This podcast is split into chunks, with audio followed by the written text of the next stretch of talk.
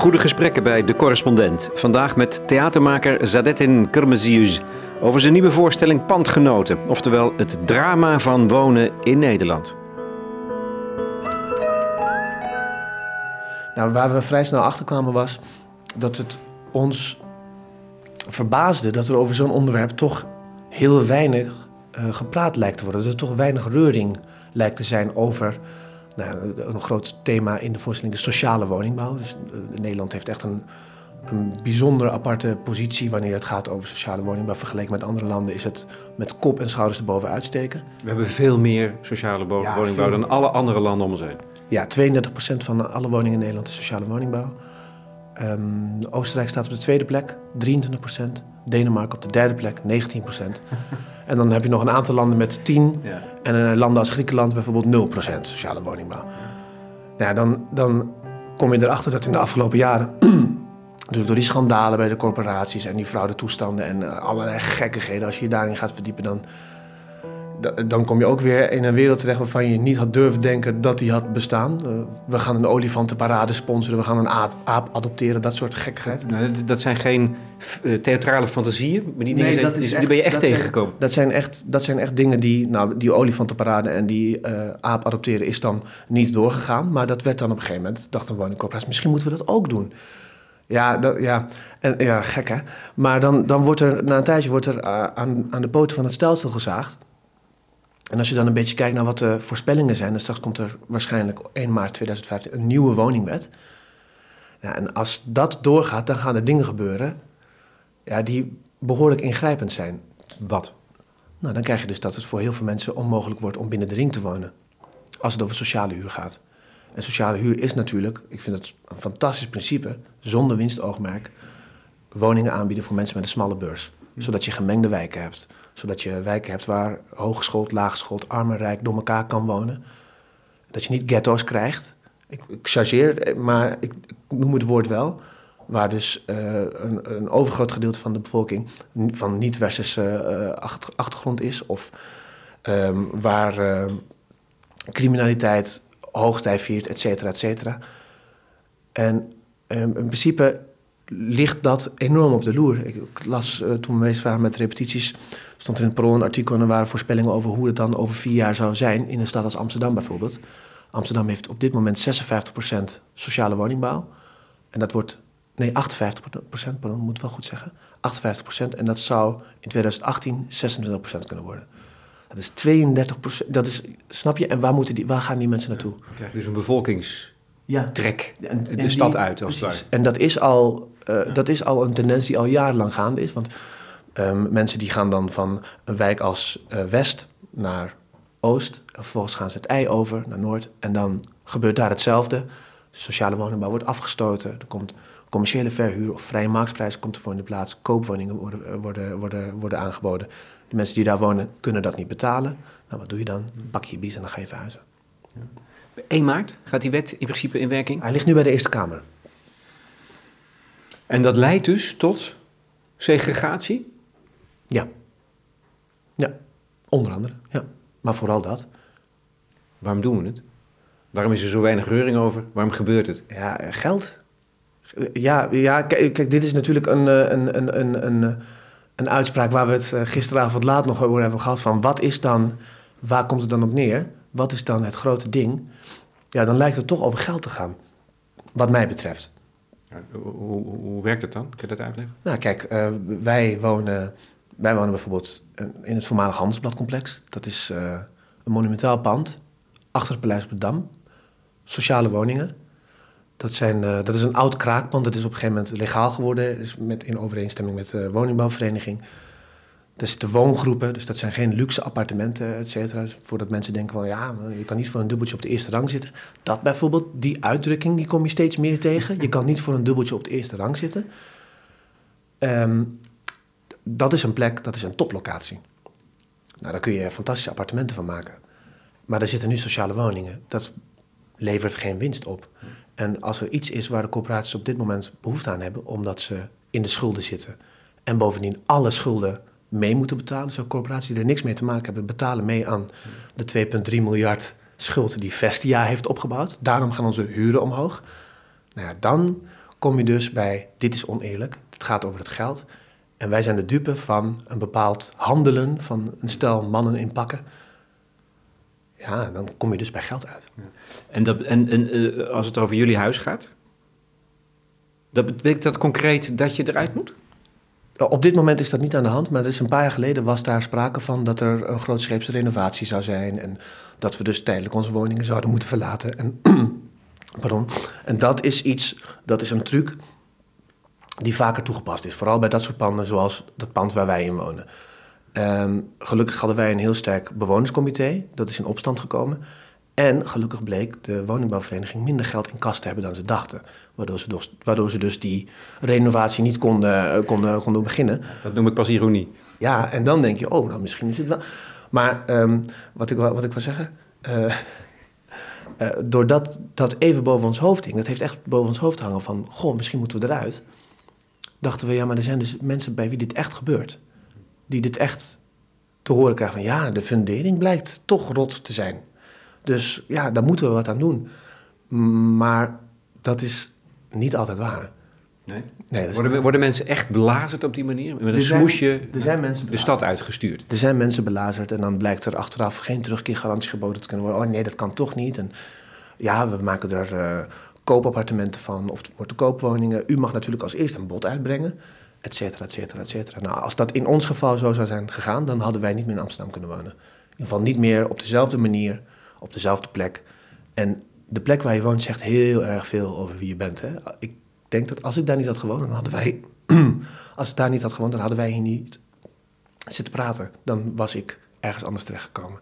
Dat, dat, dat, begrijp ik niet. Waarom niet? Je hebt toch talent? Nou ja, maar dan was de kans dat ik bijvoorbeeld had gezegd van... ik wil graag met Frascati in zee. Ja. Die was kleiner geweest. De kans dat ik uh, uh, was getrouwd was kleiner geweest dat ik getrouwd ben, heeft ook alles te maken met waar ik uiteindelijk terecht ben gekomen. En uh, in mijn geval, ik um, werk heel erg vanuit die plek. Het is een centraal gelegen plek en daardoor kan ik alle dingen die ik doe, kan ik blijven doen. Dus ik kan dat project daar, ik kan met die mensen daar afspreken, ik kan daar repeteren, ik kan daar gaan schrijven, ik kan daar die personen ontmoeten. En voor mij is dat heel belangrijk, want de plek waar ik mm. woon heeft dus een hele grote invloed op nou, mijn uh, arbeidsnetwerk, om het zo te stellen. Ja, je woont ook nog eens fantastisch, volgens mij. Nou, we, we hebben nu in dit kleine kleedkamertje afgesproken ja. Met een ijzeren brandtrap die naar boven gaat. En het ruikt hier nog een beetje naar zweet van gisteravond. Er hangen wat kleren, kostuums over de stoel. Een maskertje ligt daar. Maar jullie wonen fantastisch, volgens mij. Nou, ja, we wonen op een mooie ja. Nou, we wonen op een mooie plek. Dus we wonen hoog, dus het uitzicht is erg mooi. Maar vergis je niet, dat is een oud pand. Ja uit uh, eind uh, 19e, nee, uit begin 20e eeuw. Uh, dat is gewoon slecht onderhouden. Als het regent, regent het naar binnen. De, de, het is niet goed geïsoleerd. we wonen boven in het gebouw, 96 traptreden, geen lift. Dus we moeten niet doen alsof we voor dat dubbeltje op de eerste rang zitten. Alsof we een beetje aan het profiteren zijn. Het is een onzelfstandige woonruimte in een woongroep. Ja. En maar je noemt het wel in de voorstelling volgens mij het, het keizerrijk. Ja, zo heet het. Ja. Het heet zo. Het, het is het. Uh, Bordewijk heeft geschreven over dat steegje. Oh dus uh, je hebt dat handelsblad, handelsbladcomplex. Het zit aan de Nieuwe Zijds.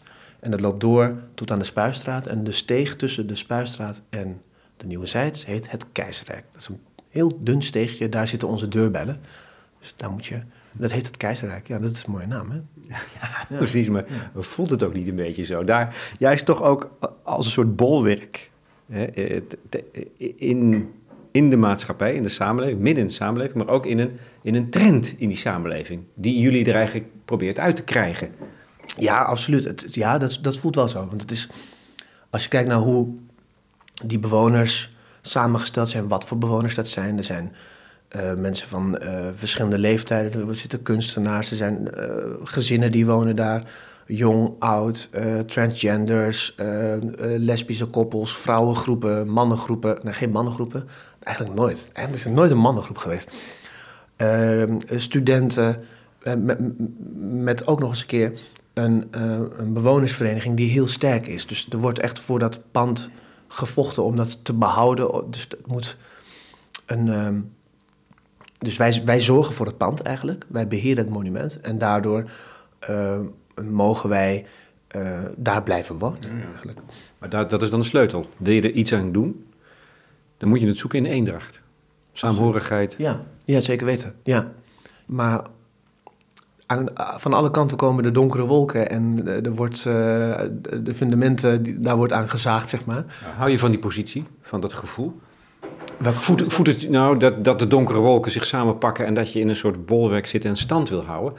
Is dat ook iets wat je voedt als maker, als theatermaker? Ja, ja ik vind eigenlijk ja, ik vind uh, verontwaardiging bijvoorbeeld, dat vind ik voor mijzelf een hele goede activator. Ik, uh, ik, word daar meteen, ik ga meteen aan. Ik ga meteen, ja, ja, ja, ja en, en, en dan hou ik ook niet op. Dus als ik me ergens over zou verontwaardigen, dan, dan blijf ik erover doorratelen. En dan uh, ga ik me er ook veel te veel mee bezighouden. En dan kan ik er niet van slapen. En dan vind ik het verschrikkelijk. En dan wind ik me op. En dan moet ik dat zien te vertalen naar uh, werk, tekst, een stuk, iets.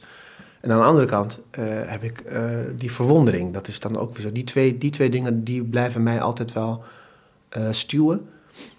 Maar dat die, die, die verwondering? Wat bedoel je? Nou, dat ik me ook kan verwonderen over dat bijvoorbeeld um, we niet massaal de straat op gaan wanneer het over dit soort dingen gaat. Dat we niet met z'n allen zeggen van ja, maar dit hoeven we helemaal niet te pikken. Dit, dat, dat dit gebeurt. Dat, dat wat Nederland Nederland maakt, dat dat zonder dat wij het echt doorhebben. Of misschien is het niet sexy of misschien is het niet hip genoeg. Maar dat dat zo aan het veranderen is en dat we met, met z'n allen dat niet zien. Dat het een soort verborgen onrecht is. En dan kan ik me ook over verwonderen van... Hey, dus dan pas op het moment dat het jezelf treft... Dus pas op het moment dat het onszelf overkomen zou...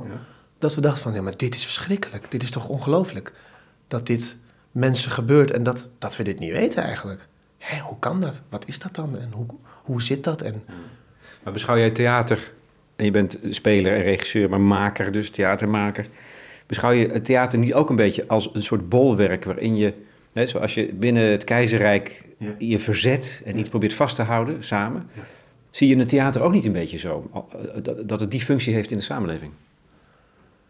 Ja, ik vind, ik vind, ja, ik weet, bolwerk is misschien niet wat ik zou zeggen, maar ik vind wel dat uh, ik vind het een bepaald soort gesprek eigenlijk. Dat je met het publiek aangaat op, op een hele veilige plek, op een hele veilige manier. In die zin dat er regels zijn afgesproken en we weten precies dat er iets gaat gebeuren. En we gaan met z'n allen gaan we mee in die gedachte of in die verbeelding. En dat zou een bolwerkfunctie oh ja. kunnen hebben. Maar ik vind, ik vind bijvoorbeeld dat, dat er te weinig um, geëngageerde radicaliteit is vanuit het theater. Ik zie niet zo 1, 2, 3 dat wij vanuit het theater. Dat is heel spijtig, vind ik echt heel jammer, want dat betekent dat de rol van theater in, uh, in, in, in de Nederlandse samenleving niet op waarde wordt geschat. Want ik denk namelijk wel dat het zou kunnen. Maar ik zie het niet gebeuren dat we voorstellingen maken die oh, ons allemaal veranderen. Of waar, waar we met z'n allen naar kijken en denken van ja, maar ik wil dat. Mm. Wat daar wordt beweerd of wat daar wordt nagestreefd, dat wil ik ook.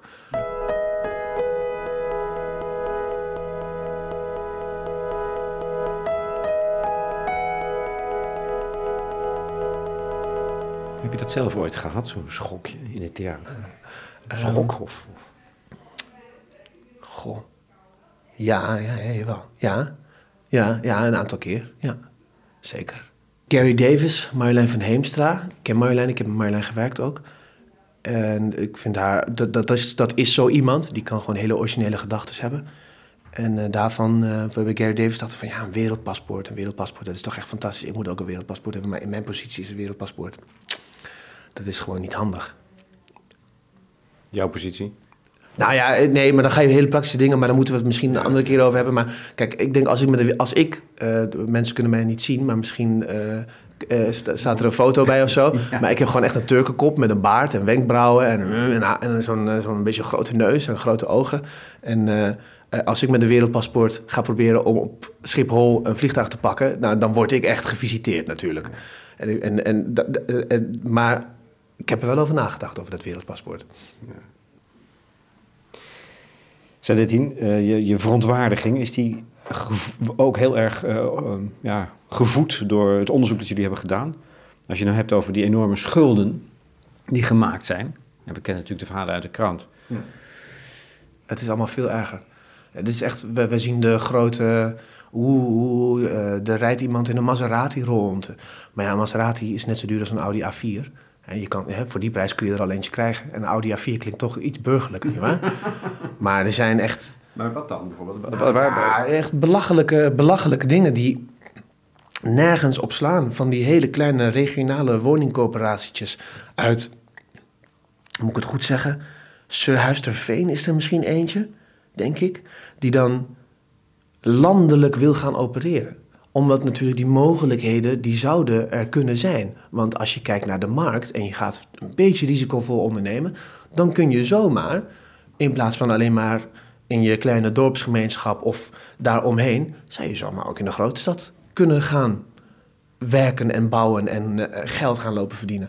Ja, dat is misschien niet zo spectaculair, maar als je daar even bij gaat stilstaan, en dat, je gaat het vergelijken met een kruidenier uit een dorpje op de Veluwe... die denkt van, ik ga een filiaal openen in de Kalverstraat. Ja, maar uh, kerel, uh, wacht even, dat moet je helemaal niet doen. Want je, je, moet gewoon jezelf concentreren op je kruidenierszaakje op de Veluwe. En dat doe je hartstikke goed. Doe dat nou maar gewoon. En laat in de Kalverstraat gewoon de HEMA en de H&M en maar dat gebeurt natuurlijk. Maar ja, dan krijg je dus ook zelfverrijking. Dat heb je natuurlijk ook. Gewoon echt mensen die er miljoenen aan overhouden. Dat is met Vestia gebeurd bijvoorbeeld. Dat is gewoon iemand die heeft gezegd van... ik heb een accountantsbureau en ik ga jullie helpen met contracten sluiten. 10 miljoen euro aan overgehouden privé. Banken zijn enorm rijk geworden aan Vestia. Dat is bijvoorbeeld... Dat, dat is wat met Vestia gebeurt. Dus je in derivaten gaan handelen. Je bent een woningbouwcorporatie. Wat, hè? Hè, hoezo? Woningbouwcorporatie, derivaten, die woorden horen wat mij betreft niet bij elkaar. Dat is niet wat ze moeten doen. En ik vind het goed dat ze maatschappelijk ondernemen en dat ze zeggen, maar we gaan ook een wijk gewoon echt omhoog tillen door een wijkcentrum en een sporthal. Prima. Maar rentederivaten, honderden miljoenen euro's aan banken en dan vervolgens gaan wij met z'n allen dat lopen ophoesten door de huren omhoog te gooien. Nou ja, dat zijn, dat is, onder, dat is zo ongelooflijk fout. Dat is zo fout. Nou, uh, de heer Blok heeft dan bedacht uh, dat de WOZ-waarde gaat toegevoegd uh, worden. Kijk, dit zijn natuurlijk allemaal hele technische dingen die niet zo in de voorstelling terechtkomen. Nee, nee. Maar het houdt in dat je dus gaat kijken naar waar staat een sociale woning. Wat is die plek eigenlijk waard? Daar gaan we de huurprijs op baseren. Ja, dan krijg je dus waar we het aan het begin over hadden. Dat we maar met z'n allen buiten de ring of buiten de stad. Ja. En wat maakt de stad leuk? Dat er mensen wonen. Ja, precies, dat zijn de gevolgen. En als het gaat over de oorzaak, zijn het dan karakters, hè?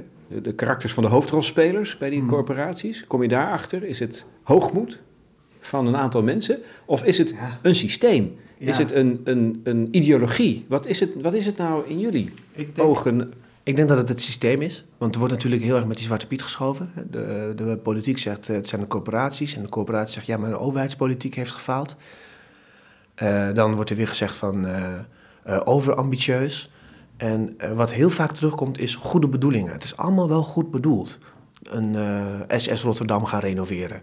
Dat is een stoomschip, dat, dat ligt nu in de haven, dat ligt daar, maar dat is 227 miljoen is daar gewoon verdampt. Omdat er, ja, dat weet ik veel waarom. Ja, ja, dat is gewoon weg. Plan. Plan ja, was het, maar plan deugde ja, niet. En dan, oh, er zit toch wel heel erg veel asbest in. En oh, het is wel heel erg streng, die asbestcontrole. Ja, dat gaat heel veel geld kosten. Uh, ja, wat is dan... Ja, misschien... Kijk, ja, ik ben dan misschien te... Uh, mensen gaan dan denken, ik ben misschien te links of te socialistisch. Maar als je kijkt naar waar het fout begon te gaan... dat is toch vanaf het moment dat die brutering... dus die privatisering van die woningcorporatie in de jaren negentig intrad. Ja. Vanaf dat moment zie je toch echt dat het langzaam maar zeker... gewoon die kant op gaat van lekker neoliberaal... en gewoon geld op de markt smijten... en we gaan investeren en de overheid staat garant, yeah... Ja, dan krijg je dus... Ja, misschien kun je dan zeggen van... Hey, vanaf dat moment lijkt het erop dat het toch wel... Uh, hè? En dan komt in 2018 die, crisis... die gewoon verweven lijkt te zijn met zelfs de huurmarkt. Ja.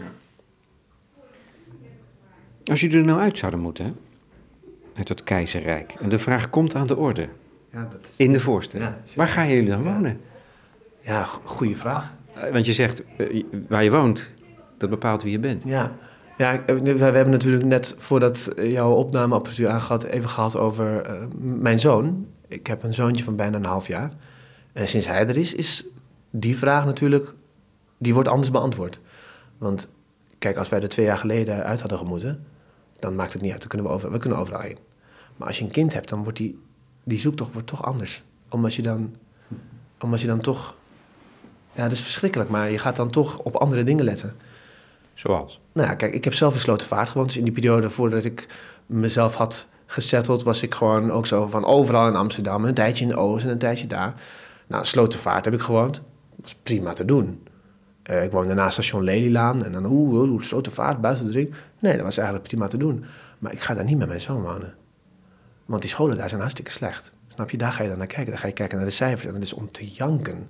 Dat is echt verschrikkelijk. En dan, en dan denk je, maar ik wil niet dat mijn, mijn kind daar naar school gaat. Want dat betekent dat mijn kind bij voorbaat al ja, gedoemd is om, ja, ik ga het toch hard zeggen, mislukken.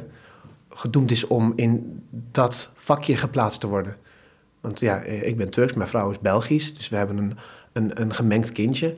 Maar dat gaat gewoon een Turkje zijn. Een Turks jongetje gaat het dan zijn. Terwijl wij willen dat hij gewoon een Amsterdammetje is. En uh, nou, dat soort dingen gaan meespelen.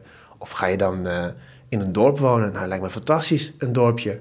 Maar na een tijdje, ja, uh, ik zou gek worden na een tijdje, omdat ik mijn vrienden ga missen. Ja, en, dus die, die, die, die, die opties die komen natuurlijk allemaal voorbij. Maar eigenlijk sinds er zo'n kleintje is, is alles anders. Kijk, we hebben het in de voorstelling over... misschien moeten we bij uh, haar ouders gaan wonen in België. Ja, het is fantastisch. Zelfvoorzienend mantelzorgsysteem natuurlijk. Want ze zijn met pensioenen, die kunnen op die baby passen. ja. We groeien op met drie generaties in, in huis. En waarom niet? Dat deden ze vroeger ook. In sommige samenlevingen doen ze het nog steeds. Dus we zijn niet alleen maar op zoek naar een plek... maar ook een vorm. Welke vorm wil je dan? Ja. Zaltbommel komt langs, Oost-Groningen. Ja. ze komen allemaal voorbij. Het zijn natuurlijk ja, een, een aantal voorbeelden. En de ene is wat flauwer en de andere is heel serieus. Waar, wij, waar wij wonen en hoe wij wonen is nou, van ongelooflijke invloed op het leven van een kind. Kortom, waar zou je gaan wonen? Ben je eruit? Nee, nee geen idee. Nee, want ik, nee, geen idee. Ik zou het niet weten. Nee. Dat is een vraag waar ik... Uh... Maar dat betekent met zoveel dat je niet weet wie je bent. Nou, ik weet heel goed wie ik ben. Ik ben uh, Sadetin, ik woon in het Keizerrijk. Ik woon in een, uh, in, een, in een heel mooi pand. Dat is wie ik ben. Dat is wie ik ben. En als ik dus daar weg zou moeten gaan, dan zou ik dus ook nog eens een keer op zoek moeten gaan naar mezelf. Nou, dat is, dat is een fascinerende conclusie. Dat dat, dat, dat woningbeleid, hè, uh, wet op 1 maart, gaat over woningen. Nee, dat gaat over, gaat over mensen. gaat over identiteit van mensen. Zeker, zeker weten, absoluut. Tuurlijk. En dat gaat, uh, dat gaat best ver ook. Omdat je dan ook denkt over dingen als uh, hoe vrij ben je dan? Ben je dan vrij om te kunnen zoeken en jezelf te kunnen ontplooien op de manier die je zelf wil? Of is dat dus, ja, afhankelijk van bepaalde handelingen en keuzes van, ik noem ze maar even mannen inpakken, die uh, allemaal goed bedoeld zijn waarschijnlijk. Maar dat dat zo'n invloed kan hebben op een mensenleven, dat is een waanzinnige gedachte.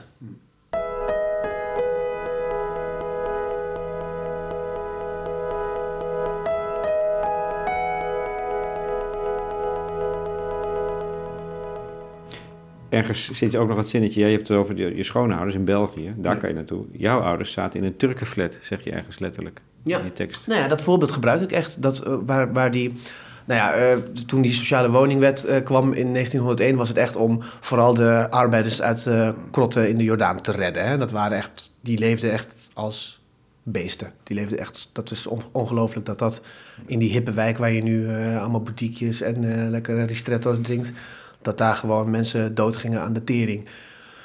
100 jaar geleden, oh, oh, dan loop je daar en dan heb je net iets gelezen over dat bruggetje waar dat gebeurde, of waar die strontkar reed. Maar om die mensen te redden natuurlijk. Hè? Dus de, uh, gewoon de arbeiders verheffen. Heel erg socialistisch. En iedereen moest aan de radio van de vader. Jij kent dat waarschijnlijk allemaal beter dan ik. Jij weet dat veel beter. ja, maar dat ideaal dus van het verheffen of het, uh, ja. het, het helpen van... Nou, dat is, ja, ik, we gebruiken dat in de voorstelling omdat uh, in mijn geval, gechargeerd wellicht... Maar ja, mijn vader mijn ouders zijn arbeidsmigranten. Vader kwam in 1974, moeder is de importbruid. Ik heb een oudere broer, geboren in 77, ik in 82. Ik heb nog een zusje in 85. We zijn Hollandse kinderen. In Nederland geboren dus? In Nederland geboren, Zutphen, geboren en getogen. En, um, op welke school heb je gezeten? Ik heb gezeten op de, eh, de Opmaat. Dat was een zwarte basisschool volgens de Achtsprong, een Rooms-Katholieke basisschool. En daarna heb ik op het Baudatjescollege zat ik. Ik heb ook op het Baudatjescollege Nee, dat meen je niet. Echt waar? Oh, wat leuk. Hey, wat leuk, een mede ja. Grappig. Maar dat terzijde. Dat terzijde. Ging je ook altijd poelen en pico? Of... Nee, nee? nee ik voetbalde op het grasveldje naast de school. Oh ja, precies. Ja, ja daar heb ik ook in het Vogelpark. Ja, daar heb ik ook veel gezet. Oh, Oké, okay. oh, leuk. En dan deden we toch iets. Ja, inderdaad. Wat grappig.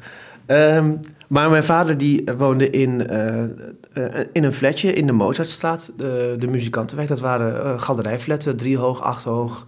En daar huurde hij nou ja, een, een appartement. En we hadden alleen maar Turkse buren. En bovenbuurvrouw was Turks, onderbuurvrouw was Turks. En ergens, denk ik, in de jaren 90, misschien 1990, zijn we verhuisd naar een woonwijk in de Zuidwijken. Dat ken je dan waarschijnlijk ook wel, de Braamkamp. En daar waren wij het allereerste Turkse gezin met alleen maar Nederlandse buren. En uh, prima. En natuurlijk die hele leuke, grappige, maffe dingen die je dan krijgt van... goh, wat een aparte geur uh, komt er uit de keuken. En wat is dat dan? Oh, mag ik even proeven? Hè? Dat soort dingen. Een soort speelse variant van racisme. Ja, ja, ook weer een ander gesprek, Lex. Maar kijk, dat heeft daar natuurlijk... Eh, het raakt elkaar wel, weet je. Want dat is allemaal... En we praten namelijk over segregatie. Ja. Ja. Denk ik. Dat is waar je, waar je, waar je op stuit. Als, je, als je gaat nadenken over woonbeleid, dan is het dat waar we het over hebben in Nederland. Jij komt uit een wereld waarin dat zogenaamd niet het geval was. Ja. Nou ja, ja. kijk, inmiddels is die wijk ook veranderd van kleur. Maar uh, wij gebruiken het in de voorstelling om uh, aan te geven dat er ook een hele goede sociaal-maatschappelijke werking van uit kan gaan. Van sociale woningbouw. En we chargeren en we ironiseren natuurlijk. Ja. Maar daaronder zit natuurlijk wel iets. Dus, uh, want als ik niet in die wijk had gewoond, dan ook wederom, dan hadden wij hier niet gezeten. En natuurlijk zijn er heel veel dingen die je aan kan wijzen in, de, in, je, in, in, je persoonlijke levensgeschiedenis. Van als dat niet was gebeurd, als dat niet was gebeurd. En je bedoelt nu dat je, dat je in, die, in die witte wijk kwam wonen? In jullie als eerste woningwijk, ja. als, in die sociale woonwijk. Als ik daar niet uh, als kind van mijn vader die daar sociaal kon huren, dus een toeslag kreeg van de overheid om die huur te compenseren, et cetera, et cetera, dan was ik niet naar het Bordartscollege gegaan. Dan was ik niet naar de toneelacademie gegaan. Was ik geen acteur geworden. Had ik hier niet gezeten. Hadden wij dit gesprek niet gehad. Waarom ben jij zo goed? Wat zeg je? Waarom ben jij zo goed? Dat, uh, dat moet je aan mijn vrouw vragen. nee, uh, waarom ben ik zo goed? Ja, ik, ik, ben niet goed. Ik ben helemaal niet goed. Nee. nee. Ik bedoel als theatermaker, Nee, ja, maar ik, ja, dat weet ik niet. Ik, ik ben helemaal niet goed. Ik ben... Uh, uh, ik ben misschien... Uh, ja, ik, ja, kijk, dit, dit vind, ik snap deze vraag en, en het is lekker prikkelend en uitdagend, maar ik vind dat soort dingen vind ik heel vies. Ja? Ik vind dat heel vies. Ik vind het heel fout om, uh, om uh, als het niet voor de grap is, want ik hou enorm, het is een heel serieus, serieus gesprek, maar in een gesprek hadden we uh, zitten te bulderen. Ik, als, het, als iets niet voor de grap is, zoals dit, dat je na een doorloop zegt van, hé, hey, maar even, ik was wel echt goed. Hè? Ik was echt heel goed. Als je dat voor de grap zegt, heerlijk. Maar als je dat ja, als je dat niet kan relativeren, als je niet, ik vind bescheidenheid vind ik iets heel moois en ik vind dat je dat moet nastreven. En ik vind dat je heel nederig moet zijn ook, omdat mensen de moeite nemen om naar je te komen kijken en ze hadden ook thuis kunnen blijven. En als mensen zeggen, wauw, wat goed, dan zeg ik dank je, dank je, dank je, dank je, dank je. En als jij vraagt waarom ben je zo goed, dan zeg ik alleen maar ik ben niet goed. Andere mensen vinden dat misschien, maar ik vind dat zelf niet. Sterker nog, de vraag is fout, vind je? Ik vind dat, ja, misschien wel een foute vraag. Ja. Um, en ik eigenlijk zeker ook provocerend bedoeld, zo'n vraag. Ehm, maar ook omdat ik mij afvraag wat je, drive, wat je drive is, hè, waar, waar, die vandaan komt. En, nou ja, ik, ik, dacht even aan Daria. Ja. Daria Bukvic, uh, kind van vluchtelingen, zegt, draagt iets met zich mee van... ik moet voor de rest van mijn leven die vlucht van mijn ouders waarmaken. Hm. Nou ja, die, die, uh, die, die opmerking van Daria, die kan ik onderschrijven. In de zin van, nou, misschien had je dan eigenlijk een van mijn vorige voorstellingen moeten zien en daarover kunnen praten. Want daar was ik echt, dat, ging, dat was echt familiegeschiedenissen. Dus vader, moeder, broer, zusje. En daar was ik heel erg bezig met, ik moet, ik heb de heilige plicht om daar iets mee te doen. Omdat ik in een bepaalde positie verkeer dat ik die verhalen kan vertellen. En uh, door die manier van werken, en uh, ook omdat ik met andere dingen bezig ben, dus niet alleen maar met. Uh, mijn ouders zijn uit Turkije gekomen en we zijn opgegroeid op die manier, et cetera, et cetera. Door die manier van werken, door die manier van kijken, heb ik ontdekt dat er een grotere familie is. Daarom heet de reeks voorstelling heet ook Hollandse Luchten. Want het staat ook letterlijk in de aanvraag die we hebben geschreven voor het fonds een paar jaar geleden. Dat het nu tijd wordt om voorstellingen te maken over die grotere familie, die 17 miljoen neven en nichten en ooms en tantes met wie ik in Nederland leef. Mm. En de, de drijvende vraag achter die drie voorstellingen die het gaan worden, is hoe leven wij samen? Hoe leven wij in Nederland samen? Hoe, hoe ziet dat eruit en hoe moet dat eruit zien? Of hoe komt het dat het er zo uitziet? De vorige voorstelling ging over vrijheid van meningsuiting. Met uh, Marjolein van Heemstra gemaakt, Jeremia. Hoe kwamen we op de geschiedenis van Hans Janmaat. Hoe dat iets wat 30 jaar geleden totaal fout was, nu zo normaal lijkt te zijn. Nou, deze voorstelling gaat over hoe leven we echt, hoe wonen we samen. En de volgende gaat over werken. Maar ik denk dat dat, dat alleen maar uh, hangertjes zijn waar je veel grotere, veel grotere verhalen aan kan ophangen. Dus bijvoorbeeld waar we het net over hebben. Ja, um, om, om even een kort, korte anekdote te geven. Ik heb een voorstelling gemaakt over mijn vader, de vader, de zoon, het heilige feest. Ik ben met hem op bedevaart naar Mekka geweest. Na een periode dat we elkaar weinig zagen. En uh, in die voorstelling en ook op die reis vertelde hij me dat hij na 35 jaar er pas achter kwam dat hij geen Nederlander was. Omdat ineens na alle gebeurtenissen van de afgelopen 12, 13 jaar, ineens bleek hij niet te zijn wie hij dacht dat hij was. En zijn collega's keken ook ineens naar een andere man dan wie hij dacht dat hij was. En spraken ook op een andere manier met hem. Dus die gingen grappig bedoelde mailtjes naar elkaar sturen waar ze heel hard op moesten lachen. Letterlijk, hè, dit, letterlijk. En als mijn vader dan zei van, wat is dat? Ik wil graag, ik wil ook meelachen natuurlijk. Dan werden laptops dichtgeklapt en e-mailprogramma's afgesloten. En dan was het, nee, nee, nee, niks, niks. En mijn vader is geen domme man. Hij praat met de accenten, hè, maar eh, hij is absoluut geen domme man. En dat is verschrikkelijk. Dat is, ja, dat is een Nederlandse man.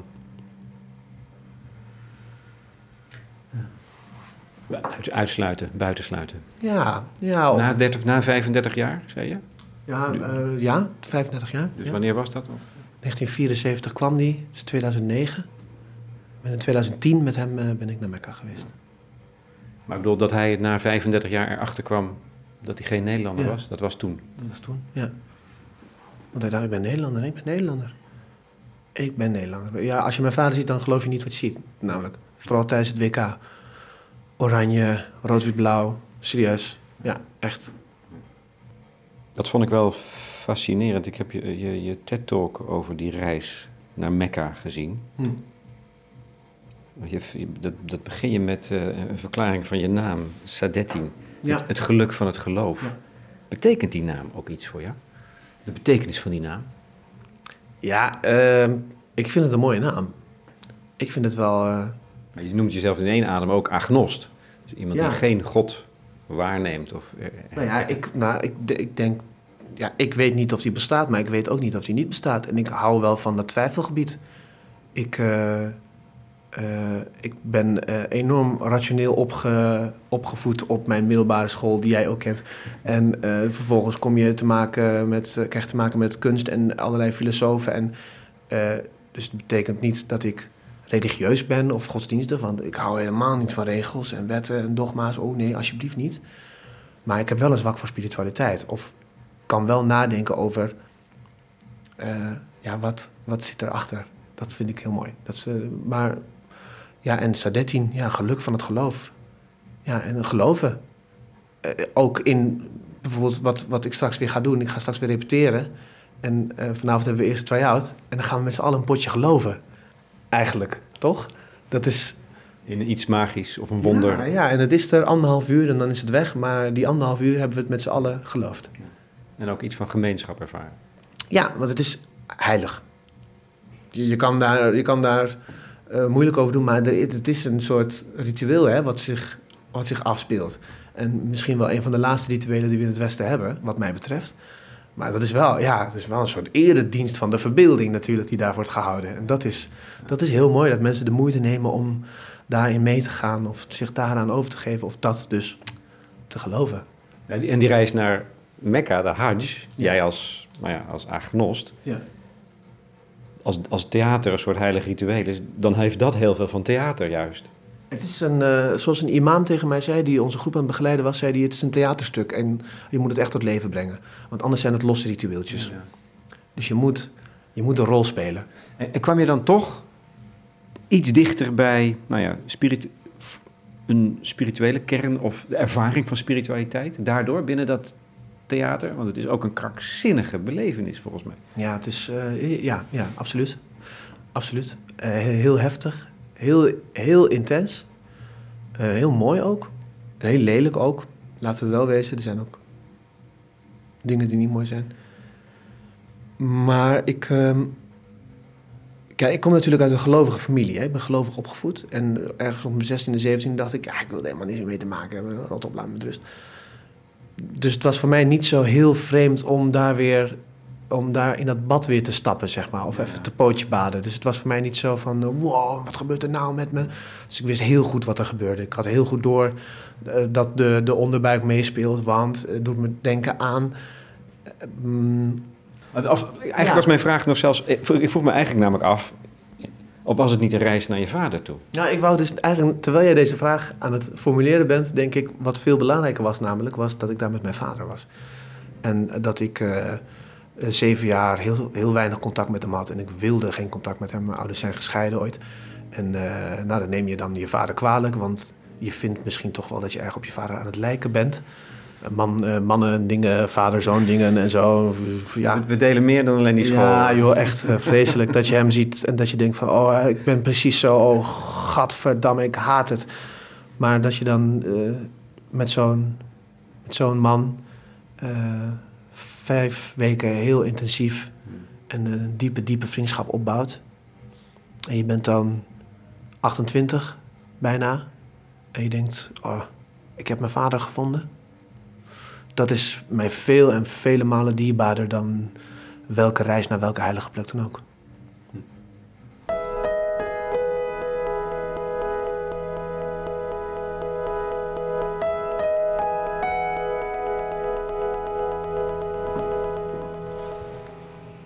Dankjewel, de, de, de band is al, ik hoor boven... Ja, Casper is uh, Kasper, ja. Casper is de, de, de derde, de dritte in boer. muzikant, ja. ja. Die zit nu uh, achter zijn, uh, achter zijn uh, denk ik, zijn loopstation, als ik het goed hoor. Is die muzikant maken. Dus de roep van het theater die we horen, hè? Ja, inderdaad. Ik moet, ik moet gaan, sorry. Dankjewel.